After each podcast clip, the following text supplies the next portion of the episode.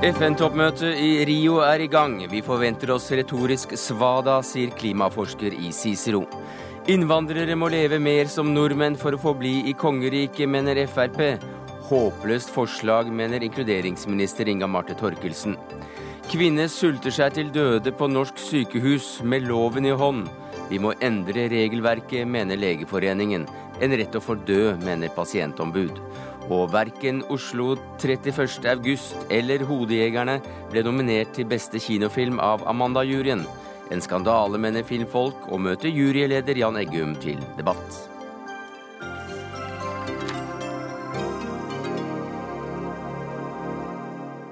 Ja, Det er noen av sakene i Dagsnytt 18 denne onsdagen, der vi også skal høre hva som eh, skal til for å utrydde polioen fra vår klode. Men vi starter med den eh, største FN-konferansen i verdenshistorien, som faktisk også tar mål av seg til å redde i hvert fall noe på vår klode. Mer enn 50 000 deltakere samles nemlig de neste dagene i Rio de Janeiro for å diskutere bærekraftig utvikling. Og Kari Anne Isaksen fra Utviklingsfondets Ungdom Spire, hva håper du kan komme ut av denne konferansen?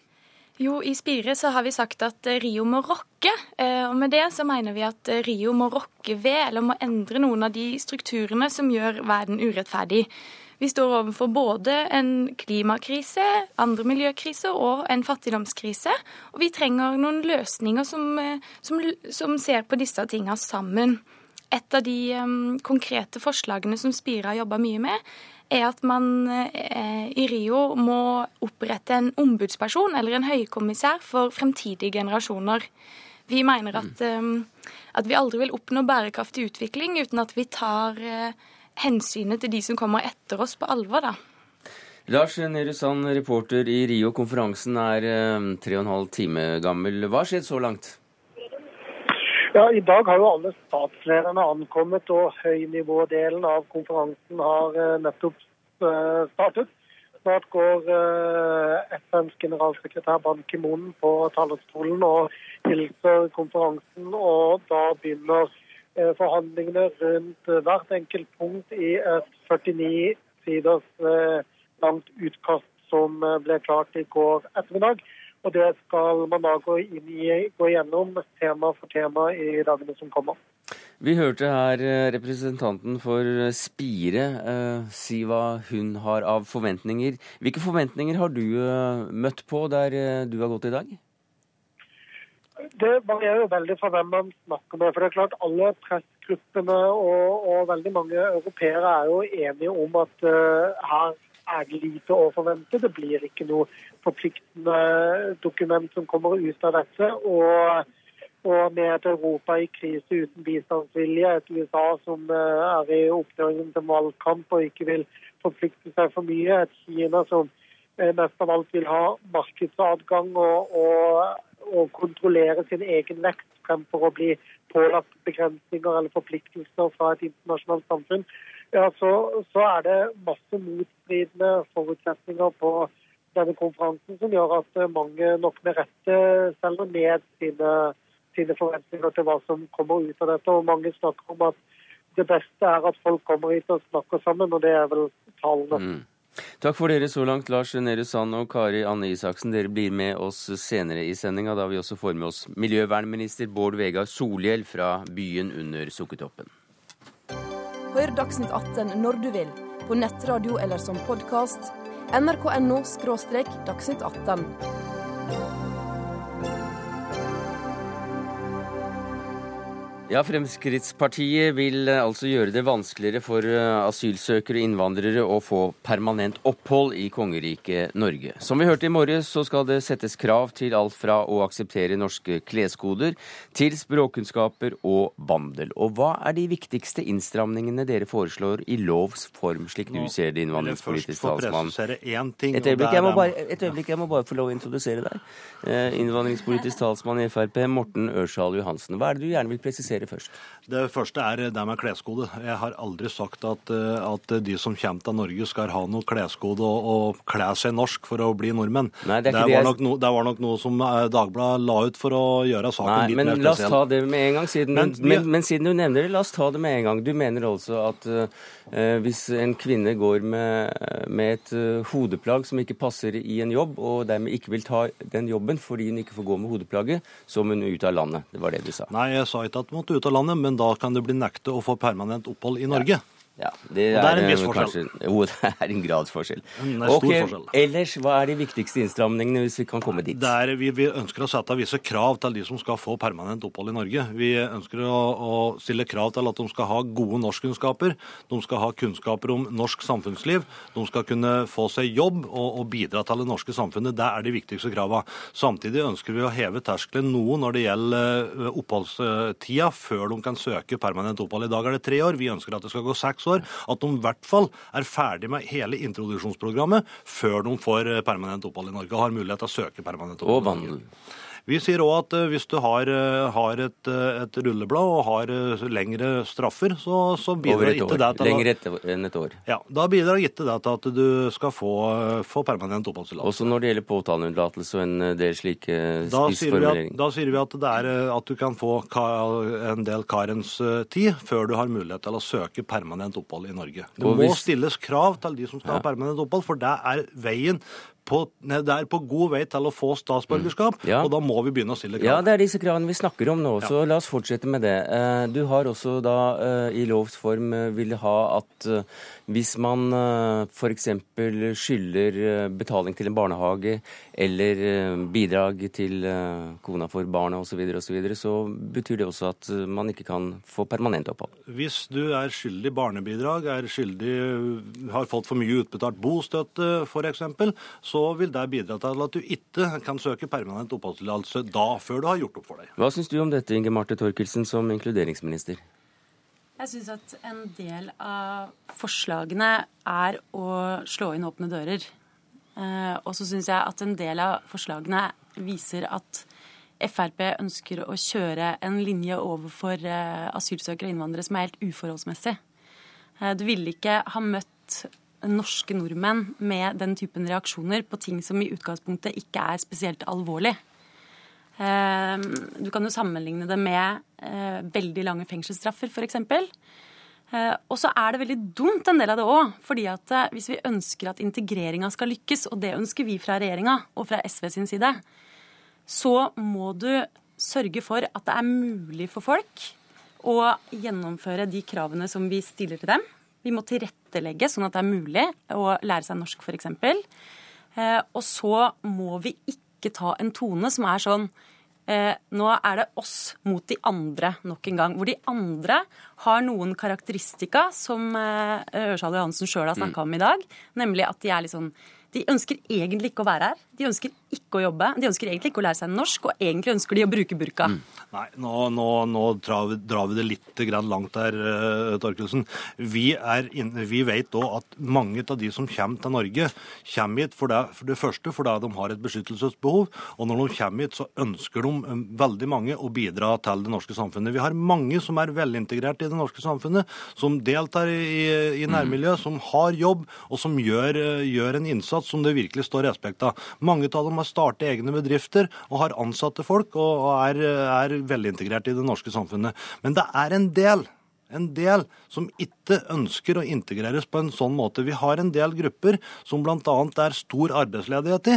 Og det, den arbeidsledigheten kommer ikke i disse gruppene fordi de ikke får jobb. Det er heller det at de ikke ønsker å jobbe. Ja vel, hva vet du om det? Eh, 25, det er 25% større sannsynlighet for at en arbeidssøker med et utenlandsklingende navn eh, ikke får jobben eh, som en med et norskklingende navn, søker på, når de har helt like kvalifikasjoner.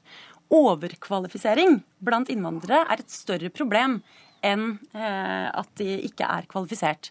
Og vi vet også at eh, over 80% av de som kommer hit, deltar i norskopplæring og i samfunnskunnskap. Og de tar prøven, selv om den ikke er obligatorisk. Det som vil være et veldig stort problem, det er for det første hvis man gjør som Fremskrittspartiet ønsker og sier at hvis du får introduksjonsstønad, som jo er en forutsetning for at du skal ta norskopplæring, fordi det er jo det som gjør at du har økonomisk mulighet til det, så skal du ikke få permanent bosettingstillatelse. Mm. Eh, og at du heller ikke skal kunne lære deg samfunnsfagsdelen av introduksjonsprogrammet på et språk som du forstår. Mm. Og jeg er veldig opptatt av, som bor i dette landet, at folk som kommer hit, skal forstå norske lover og regler. Og da er den, i hvert fall den dårligste måten å legge til rette for det på, er å si at den skal du lære deg kun på norsk, mm. ikke på et språk som du faktisk skjønner, også nyansene. Nå er det riktig som Torkelsen sier, at vi har et, et, introduksjonsprogram der det settes krav til at du skal gjennomgå 600 timer norsk. Men det, det, stilles ingen krav til hvilke kunnskaper i norsk du har når du er ferdig med det programmet. Det er, det er nok å delta og være med og delta. Du trenger ikke bestå en gang, sånn det er i dag. Bare du deltar på, på undervisninga, så er det norsk. Så er det, så er det nok. Det er ikke noe kriterium for å få seg jobb. Det vil ikke en arbeidsgiver sette veldig stor pris på, for den har ikke ikke noe som helst slags forutsetninger for å si om denne her personen som skal ha jobb, har, eh, mm. har tilegnet seg kunnskaper. Så vi ønsker at det skal være en prøve, mm. en konkret prøve som viser at du er på et visst nivå. Til dette er det egentlig tre ting å si. Eh, for det første at vi innfører en test til høsten. For det andre at vi utreder hvilke krav som skal stilles eh, for å oppnå statsborgerskap knytta til disse prøvene. Men det må være krav som gjør at det er mulig for folk faktisk å oppnå det sånn at ikke det blir så høye krav at vi i realiteten ekskluderer mennesker fra dette samfunnet. F.eks. er det en del som kommer som er, har helt andre forutsetninger enn du og jeg som har gått i en, sant, en gratis skole gjennom hele livet. Eh, men så er det også et tredje moment her, og det er at 60% av de som tar norskopplæringa i dag, de består den skriftlige testen. Over 90% består den muntlige. Så når du kommer og kaster ut påstander om at liksom, det er ikke så viktig og egentlig så stiller vi ikke krav, så er ikke det riktig. Og fordi at folk ønsker. Det er det som er så fint. At folk ønsker jo å lære seg norsk. De ønsker å delta. De ønsker ikke å være klienter eller å ikke forstå hva ungene deres snakker om. Vi skal, også, vi skal, også, til et annet punkt her, nemlig det å jobbe med frivillige organisasjoner. Eh, det mener du også bør telle inn når en helhetsvurdering skal gjøres om vedkommende skal få bli i kongeriket? Vi ønsker et, et, belønningssystem som gjør at hvis du da engasjerer deg i frivillig sektor, f.eks. er med mm. og jobber for norsk samfunnsliv, så skal, så skal, det telle positivt, og at du da kan søke om å få oppholdstillatelse før. Mm. Så, så vi, vi, vi, legger inn både gulrot og, og, og krav, og, og, det er interessant å høre på Torkelsen når hun nevner det med norskopplæring, at det nå blir prøver, og at det skal settes uh, karakterer.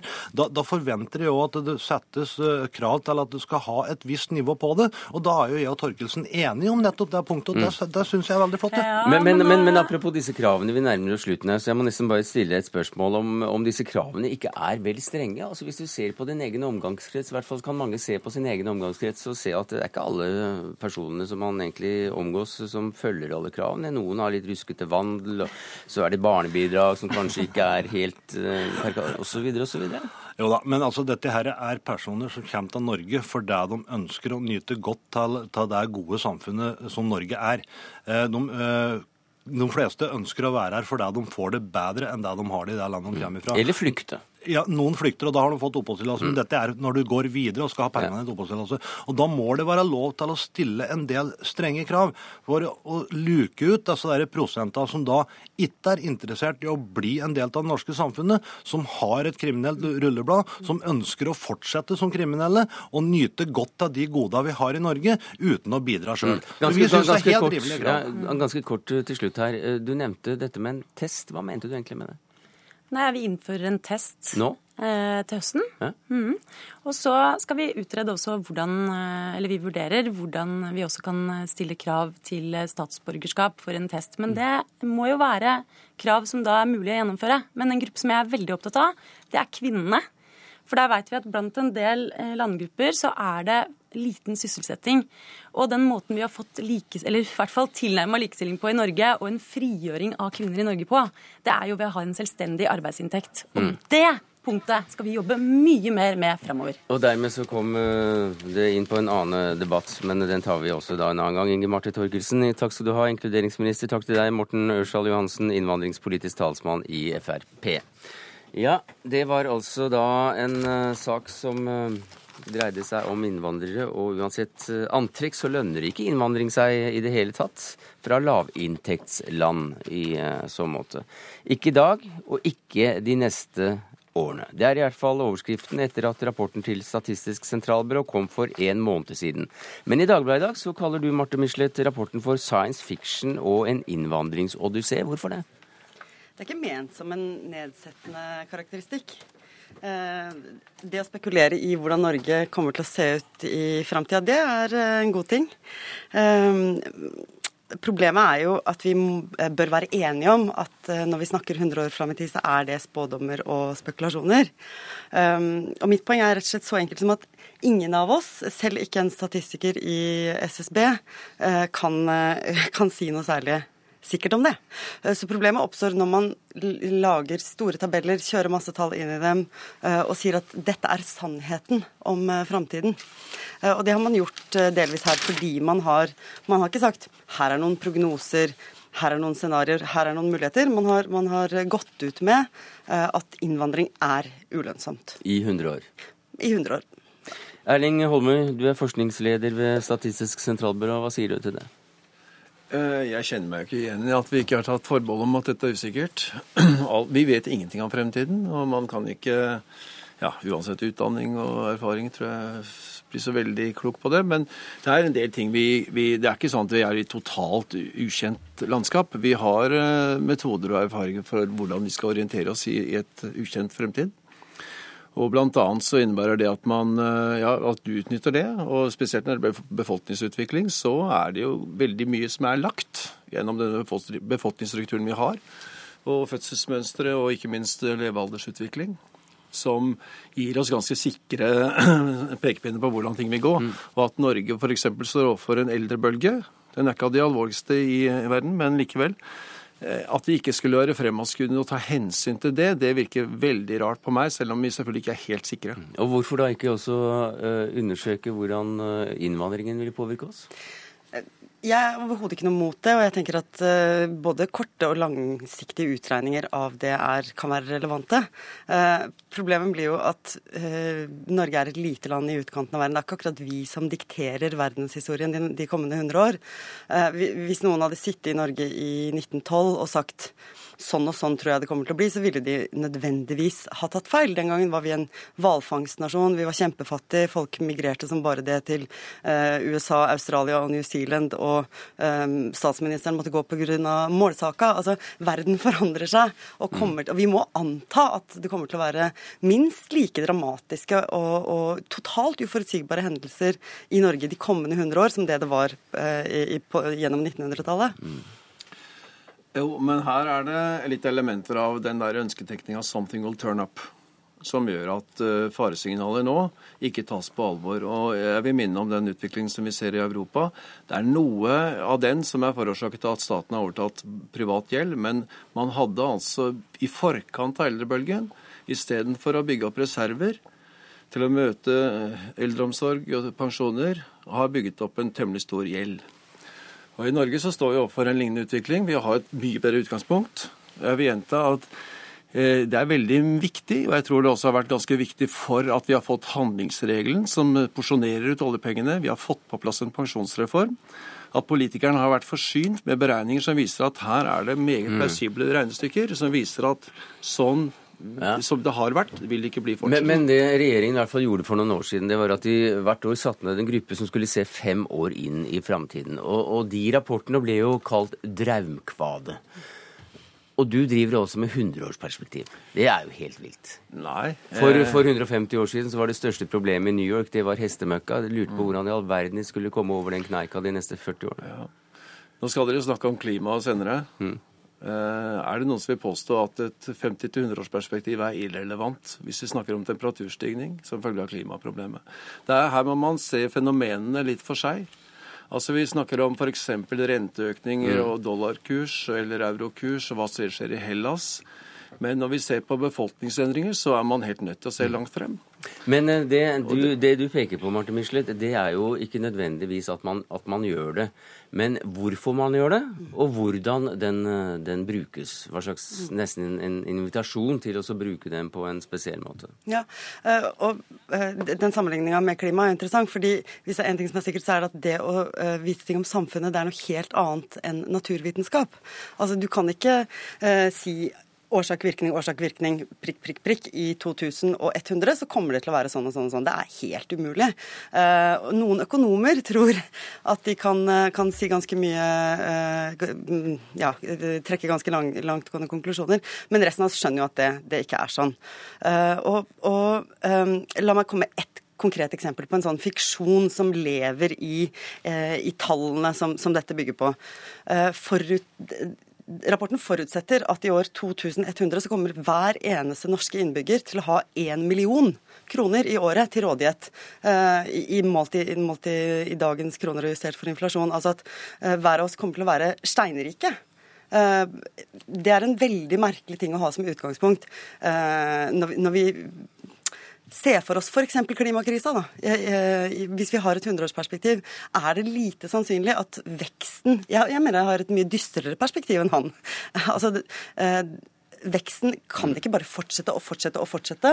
Og vi i Norge kan ikke bare eh, anta at vi kommer til å sitte her eh, og ha en mild vær. Nei, er det det man gjør? Ekstrapolerer eh, fra, i framtiden, og så finner man et uh, nivå, og så, så er det to streker under svaret? På en del størrelser så, så er det tilfellet, vil jeg si. Eh, men viser ikke hele at, historien at det er masse brudd? Jo, men, men, husk på at dette som, de tingene som jeg er med på å lage, og som for så vidt andre også lager, både i Norge og andre steder i verden, som er altså en sånn langsiktig fremskrivning, de har ikke egentlig som mål å slå til. Vi må jo si at vi håper at de ikke skal slå til. For her er det snakk om å forlenge trender og dagens kurs både når det gjelder politikk og hva vi ser for oss. Og er vi på en kurs som trenger korreksjon, ja, så bør den utløse en form for reaksjon og justering. Og da bør det ikke fremstilles som noe problem at den ikke slår til. Det viktigste i det hun nevner, det er vel produktivitetsvekst. Og jeg vil spørre tilbake. Det vi antar er øh, vi, vi får en produktivitetsvekst omtrent med 2% per år. Da går det 35 år, så har det dobbelt så mye. Syns du det er veldig urealistisk? Nei, nei vi, kan, vi, kan, absolutt håpe på det. Det er ikke urealistiske regnestykker. Men det er veldig eh, rart å være bombesikker på at det kommer til å bli sånn. Ja, men det er ingen som er bombesikker, nei, så men, den men, er men, poenget, poenget, poenget, Vi snakker litt forbi hverandre. fordi eh, når, du, når, du, eh, skriver rapporten din, og når du deltar på møter i Fafo og i Dagsnytt 18, så er du veldig nyansert. Men samtidig så sa du til Dagens Næringsliv at innvandring er som et pyramidespill. Eh, altså du har, du har lagt opp til en forståelse av dine egne tall som at det kommer til å skje, det er veldig farlig, eh, og, og, og, og at vi kan vite det sikkert. Det er et problem i formidlinga her et eller annet sted. Jeg kan godt eh, klare opp i akkurat det med pyramidespill. Det var helt tilsiktet. For det jeg mener å huske at jeg sa, det er at hvis man ser på innvandring som en løsning på eldrebølgeproblemet, så er det en løsning som har visse fellestrekk med et pyramidespill. Man skaffer seg unge men hvis de også blir gamle, og man har det gamle systemet som innebærer at hver person i gjennomsnitt skal ha noe mer fra det offentlige det man betaler inn, så har man egentlig utsatt problemet snarere enn å løse det. Og det er en helt annen mm. sak enn det vi diskuterte nettopp. Mm. Og Nå har vi diskutert mange saker, men det er jammen mye å snakke om når man ser 100 år eh, inn i framtiden. Man må ikke velge 2100. Vi ser på 90 andre år også. Jo, jo men allikevel så ønsker jeg dere begge velkommen ja, til 2112. Eh, da skal vi feire at det er 100 år siden dere satt her. Takk skal du ha, Erling Holme, forskningsleder ved Statistisk sentralbyrå, og Marte Michelet, debattansvarlig i Dagbladet.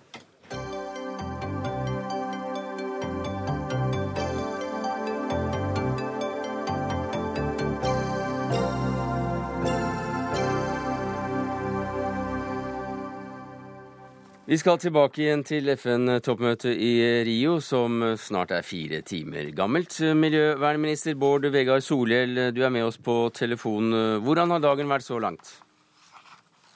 Altså, det har vært en eh, bra åpningsdag her nå. Eh, det er jo langt på vei sånn at man har blitt enige om et resultat. Det gjenstår riktignok å, å få full enighet blant statslederne om det.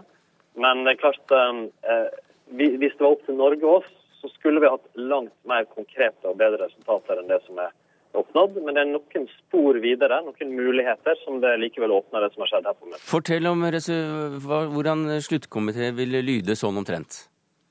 Altså, jeg tror Det viktigste man kan si, er at det blir ikke de konkrete, tydelige resultatene som uh, verdens miljø og utvikling hadde trengt.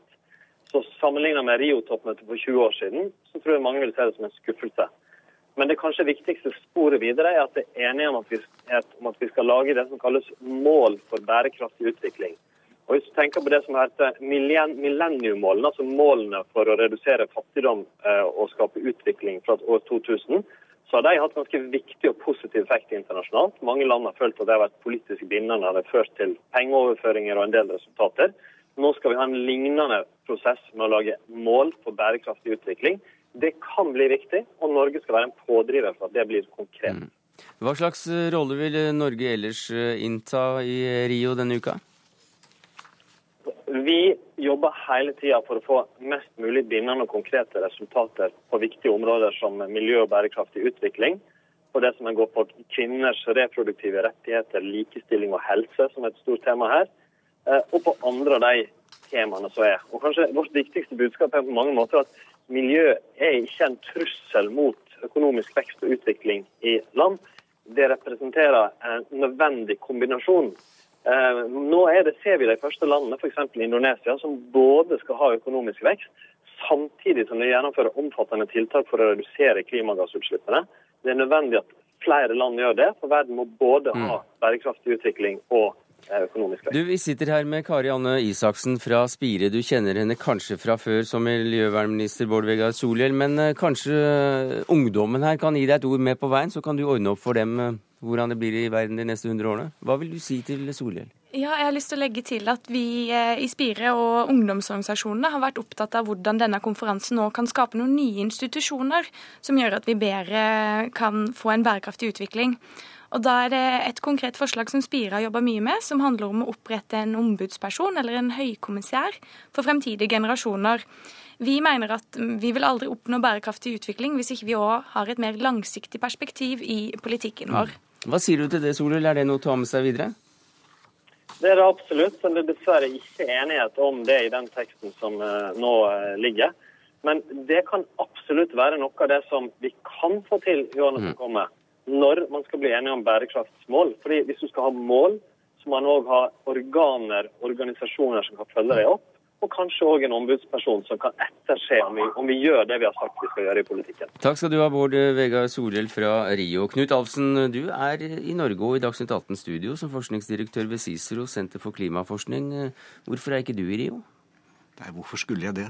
Det er sånn rett fra hjertet. Du hører jo hva som skal skje der. Det er jo store ting. Det er, eh, hvis du leser teksten de nå er så godt som blitt enige om, så er det en eh, tekst som så vidt klarer å bevare det man ble enige om i 1992. Så eh, det er ikke mye å dra langt for. Men du, hva slags møte er dette? Jo, dette er et møte i, For det første er det et møte, høynivåmøte. Det er statsledere osv. Som, ja. som møter her. Og temaet er altså faktisk ikke klima. Eh, med en utvikling og miljø. Det er en oppfølging av eh, Rio-møtet, Earth Summit som det het, i 1992, som var en følge av Gro Harlem Brundtlands eh, kommisjon. Så fikk masse oppmerksomhet, og som ble sett på som en kjempesuksess. Ikke sant. Den gangen så var det masse optimisme rundt dette. Man, satte mm. seg, man hadde noen deklarasjoner, konvensjoner om klima, om biomangfold, om forhindre forørkning osv. Og, så og så skulle man sette i gang og jobbe. Og så opplever vi altså nå, 20 år etterpå, at de reaffirm the commitments of 1992. ikke sant? Altså Man er ikke kommet ett skritt videre. Man har ikke gått noe tilbake heller, i hvert fall. Nei, og det, altså, det er mange som puster litt av den grunn. Så glass kan være både halvfulle og halvtomme, det er klart. Men det er blitt da sagt at uh, dette utkastet til slutterklæring det er så å si ferdig, og det blir enighet om det. Hvordan kan man bruke et uh, sånt dokument? Nei, det, det, de sier, er at de, de, de, sier at fattigdomsproblemet er viktig. Det må vi gjøre noe med. Mm. Eh, vi, bærekraft er viktig. Det må vi legge til grunn for alt vi gjør, osv. osv. i denne sjangeren, altså denne type retorikk. Eh, som eh, kan være en begynnelse på prosesser som faktisk kan føre til noe. Det var det vi trodde i 1992. ikke sant? De, de som er blitt så gamle som meg, blir, blir litt mer kyniske med årene. og ser egentlig ikke hvorfor det skulle være lettere å gjøre det nå enn i 1992. Men ungdommen i Spire de ser mer positivt på det? De håper mer, i hvert fall. Mm.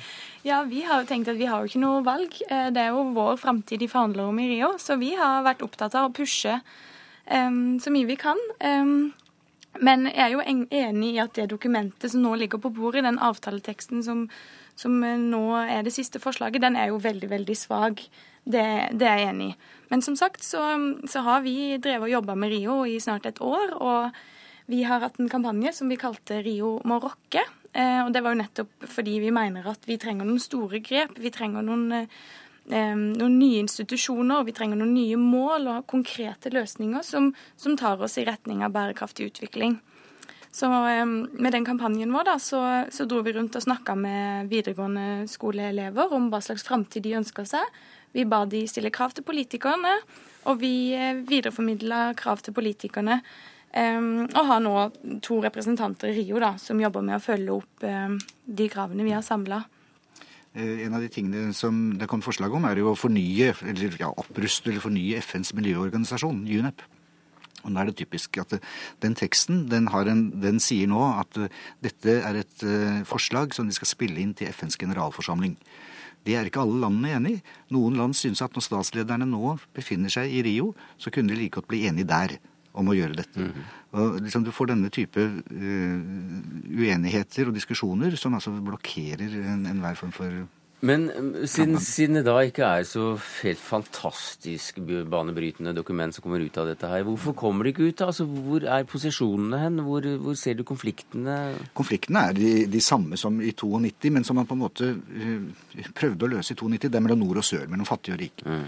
I, I, Rio i 92 så ble man enige om felles, men differensierte forpliktelser, som det heter når det gjelder klima og når det gjelder en rekke andre ting. Eh, og I det lå det at eh, de rike landene skal gå foran og gjøre, eh, ta noen skritt, og så skal de fattige landene ta, få pålegg og osv. senere. Slik mønsteret har vært på alle møter siden det? Siden det, ikke sant. Og så er mønsteret som gjenspeiler seg da, er at noen rike land, USA f.eks., sier at vi vil ikke gjøre noe før Kina gjør noe, fordi at det forrykker handelsbalanse, konkurranseevne osv. Og, så og så står det på stedet hvil, og så kommer det ingen vei. Og Det samme har nå skjedd i, i Rio. Så det er en slags blåkopi av f.eks. konfliktlinjene i eh, København-møtet? Ja, absolutt. Er, man kan filosofere litt over det. Altså fordi at eh, Klimaproblemet er jo en sak for seg selv. Men de, denne felles, men differensierte forpliktelsene ble innført i forbindelse med klimakonvensjonen i 92. Mm. Og den har vist seg å være helt ødeleggende. For denne, denne, malen er nå blitt tredd nedover eh, det ene temaet etter det andre som man prøver å forhandle om på den internasjonale arena. Og hver gang så ender man opp i samme murvegg. At uh, U-landene sier at I-landene gjør ikke noe. I-landene en del I-land sier at nei, men de kan ikke gjøre noe før dere gjør noe, fordi at de skal beholde konkurranseevnen. Men hva slags mal er det du sier uh, trekkes over hodene? Jo, den med felles, men differensierte forpliktelser. Altså mm. at det at I-landene skal enten betale eller gjøre ting før U-landene trekkes med. Og U-landene er jo også en litt sånn rar betegnelse her på en del av disse landene. Det gjelder Singapore, det gjelder Sør-Korea, som slett ikke er U-land lenger. Uh, og, og, det skaper problemer for noen land, som USA, som sier at vi kan, vil ikke gjøre noe som skader vår økonomi vis-à-vis -vis Kina, før kineserne også gjør noe. Vi avslutter som vi begynte sendinga her, med Lars Nehru Sand i Rio. Du er NRKs reporter. Hva vil skje de neste dagene? Nei, Nå skal jo statslederne da forhandle videre eh, på dette dokumentet det har vært snakket om her. Da jeg satt meg på flyet fra Norge på søndag, så var det på 80 sider. Når det var eh, fremforhandlet og lagt på bordet til statslederne, eh, så er det på 49. Så det sier jo litt om, om hvilken vei dette går. Det betyr u, uenighetspunkter blir heller slettet fremfor å bli omforent. Og, og det betyr at, uh, at man man vil ha så vage setninger som mulig, og det har vært inne på grunnen for det eh, mm. godt fra, fra, Oslo. Så de diskusjonene eh, fortsetter. Det er selvfølgelig en teoretisk mulighet for at man ikke blir enige på fredag slik man skal, men, eh, men når man har en, en skisse som ligger såpass godt klar til behandling allerede nå, så tyder nok det meste på at man man eh, blir enige om noe, i hvert fall, eh, før helgen. Takk skal du ha fra Rio, Lars Nehru Sand. Takk til Karianne Isaksen fra Spire og Knut Alfsen fra Cicero senter for klimaforskning.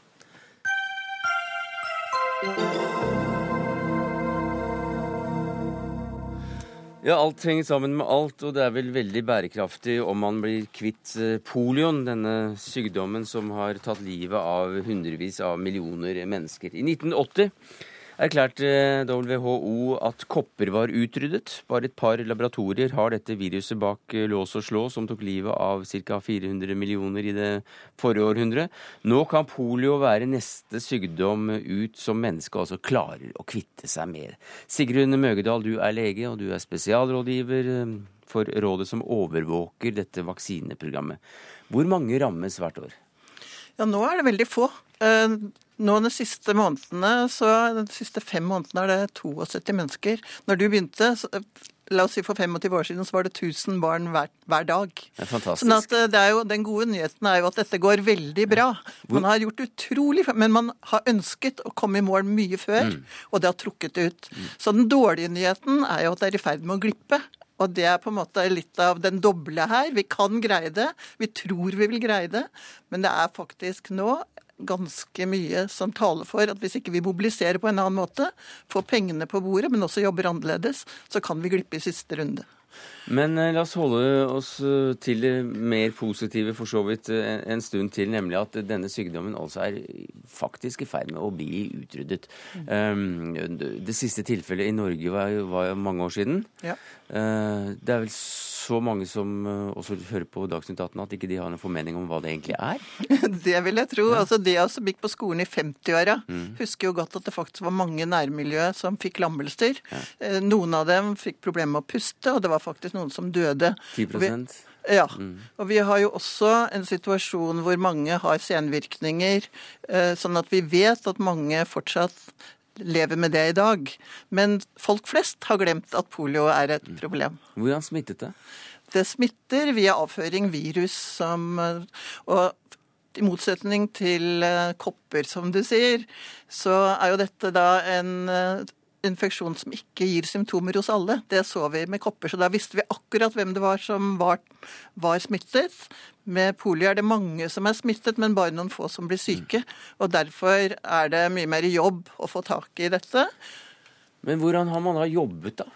Jo, man har eh, en veldig spennende tilnærming hvor eh, man tenker at hvis man får vaksinert alle barn under fem år, omtrent på samme tid i hele verden, eller i hvert fall i samme områder, så skaper man en immunitet blant de barna, sånn at eh, man stopper overføring av virus. Og det har vært store kampanjer. Her har jo mange mobilisert. Rotary har jo vært en organisasjon som har stått i spissen for dette her. Så det er ikke bare stater, det er ikke bare fagarbeidere.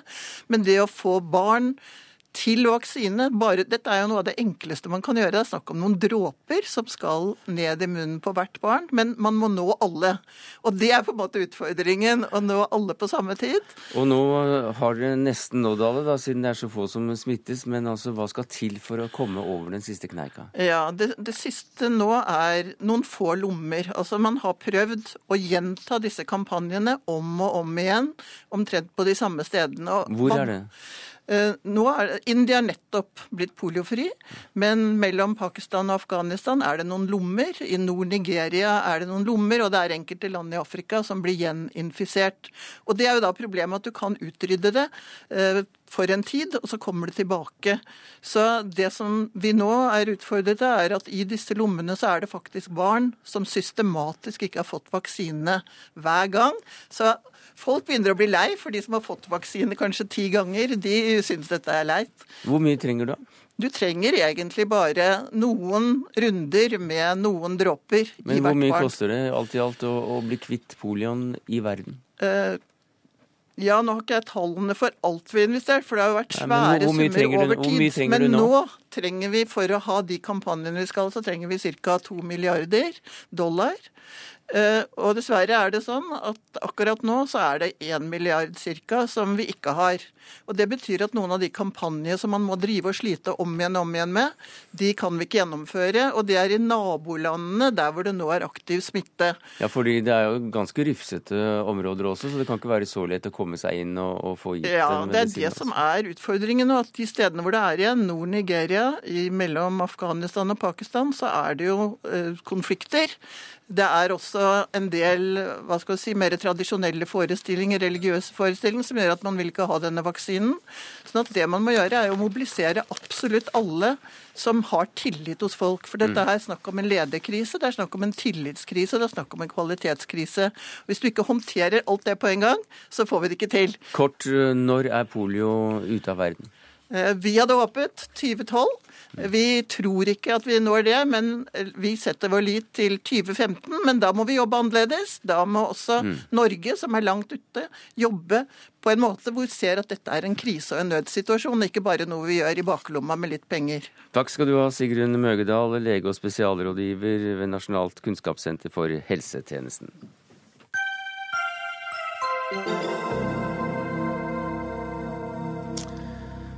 I går tok vi opp en eh, ganske spesiell sak fra sykehuset i Arendal her i Dagsnytt 18. For eh, der ligger den 30 år, 31 år gamle kvinnen som er i ferd med å dø av sult og tørst etter eget ønske.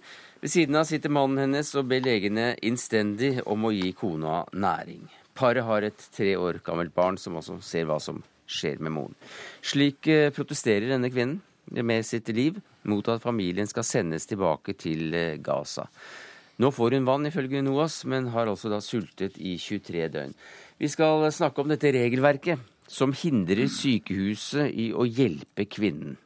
Eh, Det er nemlig regler for slikt. Og president i Den norske legeforeningen, eh, Hege Gjessing, hvordan er det for en lege å ikke gi livreddende hjelp i slike situasjoner? Ja, Det er et eh, veldig veldig vanskelig dilemma. Dette med sultestreiker er jo veldig sjeldent. og det er, eh, det er vel første gang man ser at det er en pasient som faktisk risikerer å dø i norsk sykehus.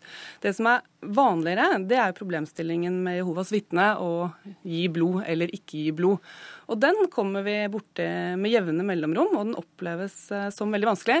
Fordi du i noen situasjoner da rett og slett handler, det handler om liv og død. Og du vet at du kan redde. Jobben din er å redde liv. Og så har du på en måte blitt pålagt å ikke gjøre det.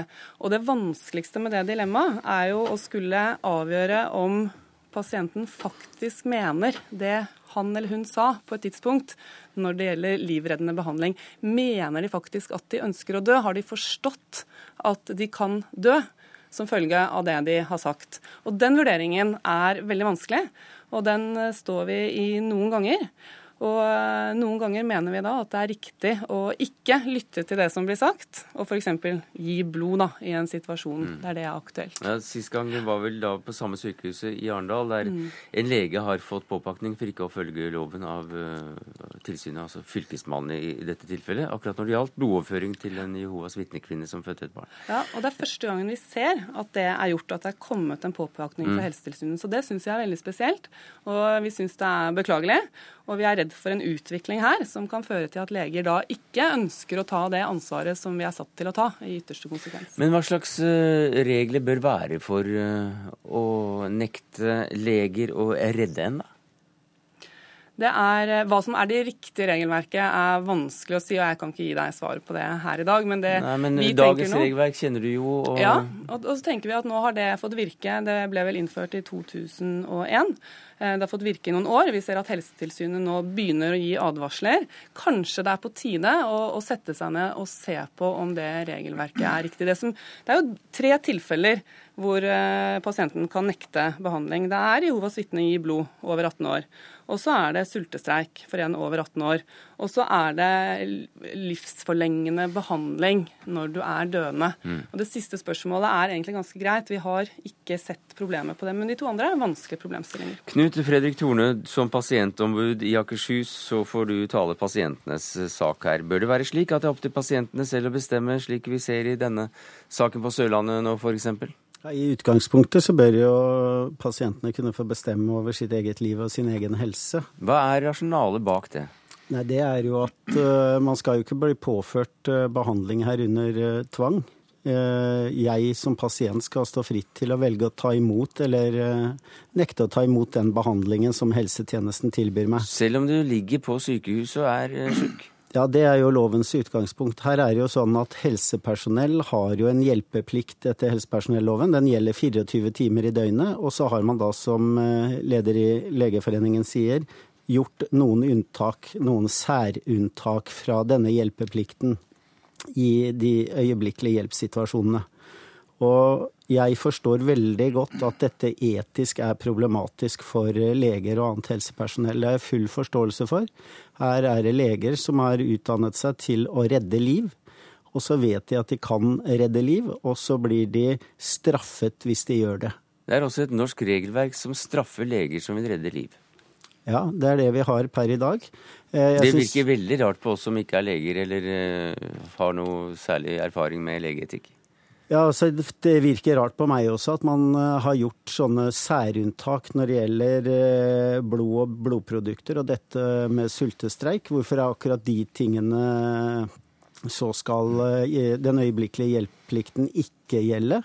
Eh, mens i andre tilfeller så har legene en plikt til å hjelpe, og da blir de straffet hvis ikke de gjør det. Mm.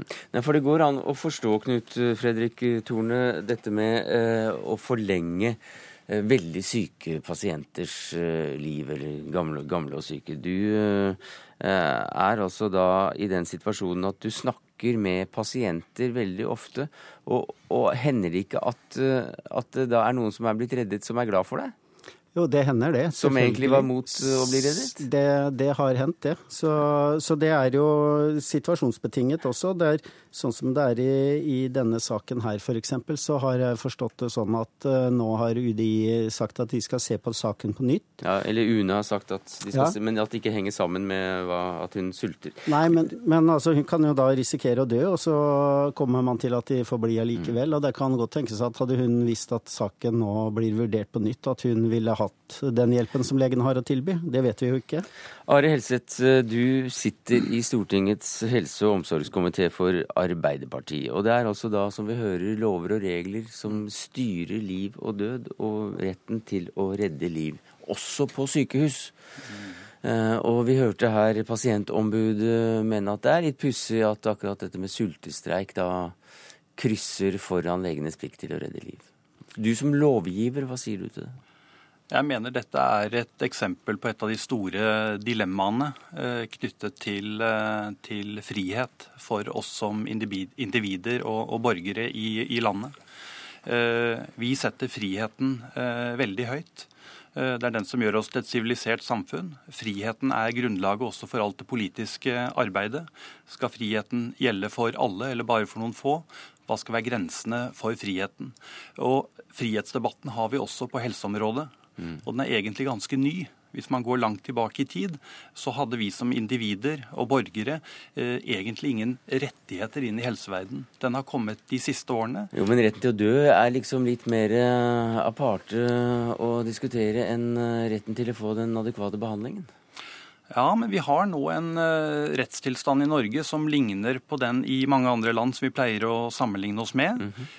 vi har uh, en rett for pasientene til å få all kunnskap om behandlingen som tilbys. En rett til å kunne si nei til behandling, ja, hvis det, er det man vil. Og det er den vi snakker om ja. nå. Men hvorfor er akkurat sultestreik kommet inn i denne ordningen, tror du? Ja, Sultestreik opplever jeg som uh, en av de sterkeste ytringsformer et menneske kan uh, bruke mm. i en debatt, i en konflikt, i en politisk situasjon. fordi i ytterste konsekvens så kan den jo ha døden som mm. følge. Og det skal respekteres at det er noen som bruker det virkemidlet. Det er menneskelig frihet.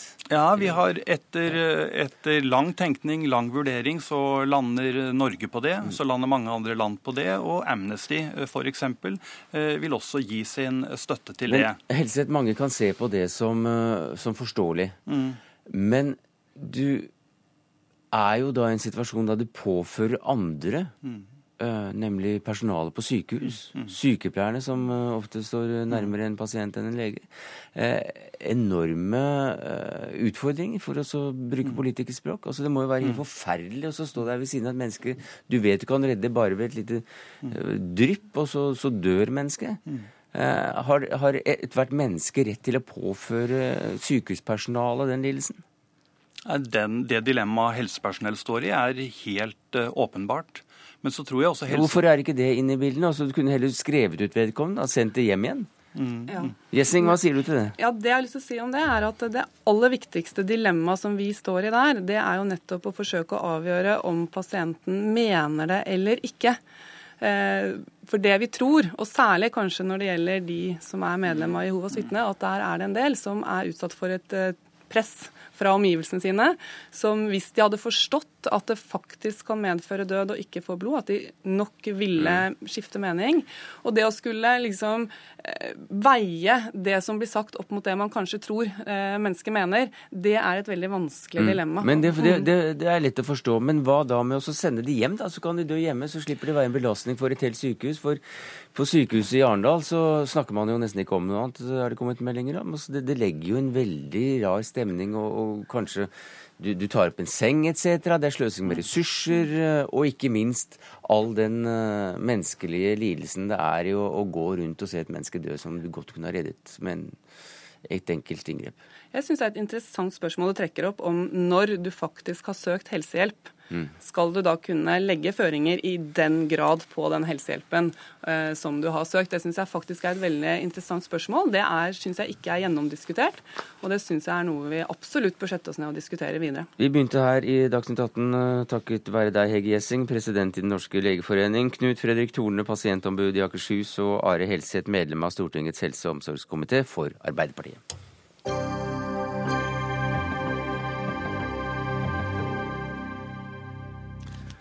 Film-Norge ristet på hodet etter at Amanda-juryen unnlot å nominere to favoritter til prisen som årets beste norske kinofilm. Mitt navn er Roger Brown. Jeg er 1,68. Du trenger ikke psykolog for å forstå at det må kompenseres. Huset mitt, for eksempel. Takst 30 millioner. Jeg liker det ikke. Ikke har jeg råd til det heller, men hun Hun elsket det. Ja, Verken Hodejegerne, som vi hørte et klipp fra her, eller Oslo 31. august ble altså nominert til beste kinofilm, selv om de har gått sin seiersgang både nasjonalt og i utlandet. De var altså ikke gode nok for juryen med Jan Eggum i spissen. Og som kommentator i Aftenposten så likte du dette dårlig, Vidar Kvalhaug. Hvorfor det?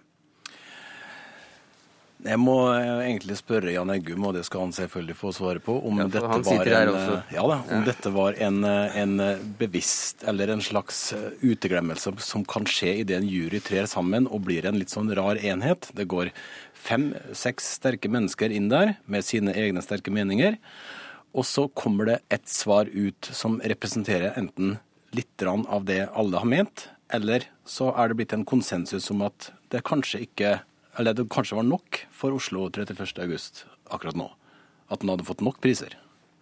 Ja, Det er helt utelukket at det, at det kan skje med denne juryen. For det er altså en håndplukket jury av produsenter og regissører og, og manusforfattere og skuespillere som, som jeg stiller meg bak. Jeg, jeg, jeg påtar meg ikke rollen for som eh, juryformann i den forstand at jeg velger filmer. Men eh, det som skjer er at man tar, man tar for seg hver enkelt film, og så går man gjennom hva fordeler og ulemper, og hvor, hvor, om det er 80 eller 90 eller 100% bra.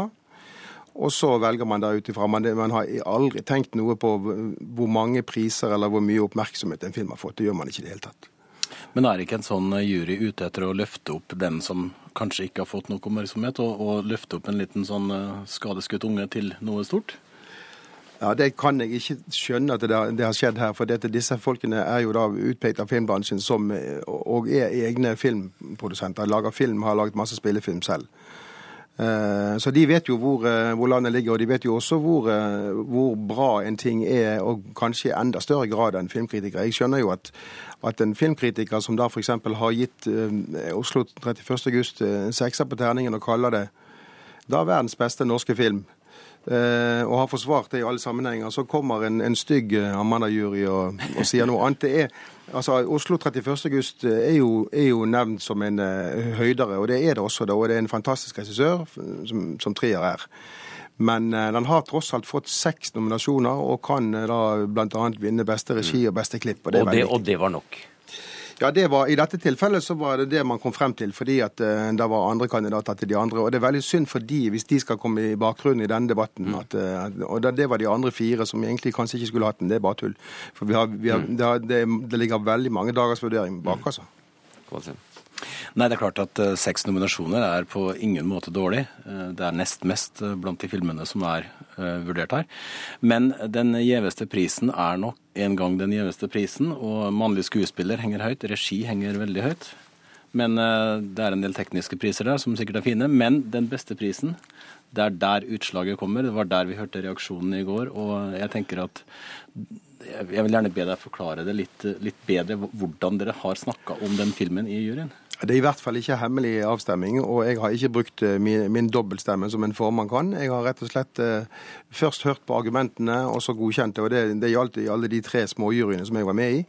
Og, fikk veldig godt inntrykk av argumentasjonen. Eh, og det førte jo selvfølgelig til at at det, vi havnet opp med en eh, seks-syv filmer som er veldig bra filmer. Eh, inkludert 'Hodejegerne', eh, som, som, jo er en publikumssuksess også. Men, eh, men, til syvende og sist så må vi gå inn på de forskjellige delene. Og, og det, det, er klart at det går utmerket godt an å ha en film med en veldig flink regissør som likevel ikke lykkes 100% med filmen. Det er Nei, absolutt ja. mulig. Så Trier lyktes ikke 100 Nei, det, det har jo juryen kommet frem til. At i, i, i det tilfellet så er det noen andre som lykkes bedre. Eh, hvordan ville du betegne det at 31. Eh, august, Oslo 31. august ikke ble nominert til den prisen? Jeg har hørt ord som skandale og katastrofe. De ordene vil jeg ikke bruke. Jeg vil heller si at det er en, en utelatelse av en film som jeg ikke forstår, og som jeg sannsynligvis ikke forstår etter denne sendinga heller. Men eh, Bjørn Eidsvåg tvitrer at Amanda-juryen overser de åpenbare valgene, og at dette er typisk norsk. Ja, det kan godt hende. Det typisk norsk, men det syns jeg er et positivt begrep. Jeg, jeg tror at, eh, at, det er på tide å, å, tenke som så at filmkritikere og, og, journalister generelt, når de anmelder enten det er musikk eller film, så er de annerledes enn de som sitter i eh, en jury som er fra, fra samme bransje og som lager film. Filmekspert Vegard Larsen i NRK sier han ikke klarer å ta Amanda-prisen alvorlig etter dette? Ja, Han sier også at det med, med en musiker som leder for en Amanda-pris, så, så, er, så er ikke det mye verdt det som skjer. Men, men, de som har vært formenn og forkvinner sjøl, det er jo folk som ikke lager film. Så det, er jo, det har ingenting med, med selve juryen å gjøre, egentlig. Men uh, han slutter også å ta Amanda-prisen alvorlig? Amanda-prisen eh, tas veldig alvorlig av de som er med. Og eh, jeg, jeg I hvert fall de i juryen, antagelig. Ja, De i juryen har vært veldig seriøse. De har gått igjennom dette mange ganger og kommet med, med tjukke bøker med argumenter. Utrolig smålig, skriver VGs Borghild Maaland. Det er jo det at man, man fokuserer på den ene prisen, og det syns jeg er veldig feil. Babycall har fått ja, ni Det er den gjeveste, så det er, ja, det er ikke så gjeveste, rart. Men det, jeg har vært inne i dette i spellemannssammenheng før, og både på den ene og den andre siden av bordet. Og okay. du, du, kan ikke regne med noe som helst, egentlig. Nei, men hvis du da uh, mener at uh, denne prisen uh, tross alt er, er ganske viktig, så visste dere jo at dette her kom det til å bli bråk av? Uh, jeg, jeg, skjønte ikke det for fulle før faktisk reaksjonene kom, men jeg tror nok filmbransjen har, har visst om det. Altså. Ja, For du sier at du ble overrasket? Ja, jeg ble faktisk det. Ja. Nettopp fordi at de, de, jeg ikke regner den ene prisen som at den overgår alle de andre. Så jeg, jeg har ikke tenkt sånn overhodet, faktisk. Ja, vi ser det jo på ditt felt også, at f.eks. Eh, beste artist og, og, og, sånn under eh, der, Vi hadde jo et eksempel med at eh, Stein Torleif Bjella f.eks. ikke var nominert i de gjeveste klassene i Spellemann. Vi har akkurat sett at Stig Seterbakken ikke var nominert til noen av de tre sterkeste litteraturprisene, men fikk to av de mindre. Mm. Så jeg tenker at det er et eller annet med en jury og den organismen som en jury er og blir, som åpenbart disfavoriserer de som er eh, eh, både publikums- og kritikerfavoritter? Altså, Jeg tror faktisk at det, det, handler mer om at juryen kommer sammen og diskuterer seg frem til et resultat, mens, eh, mens kritikere sitter på hver sitt mm. fjell og, og, og, vurderer fem eller seks.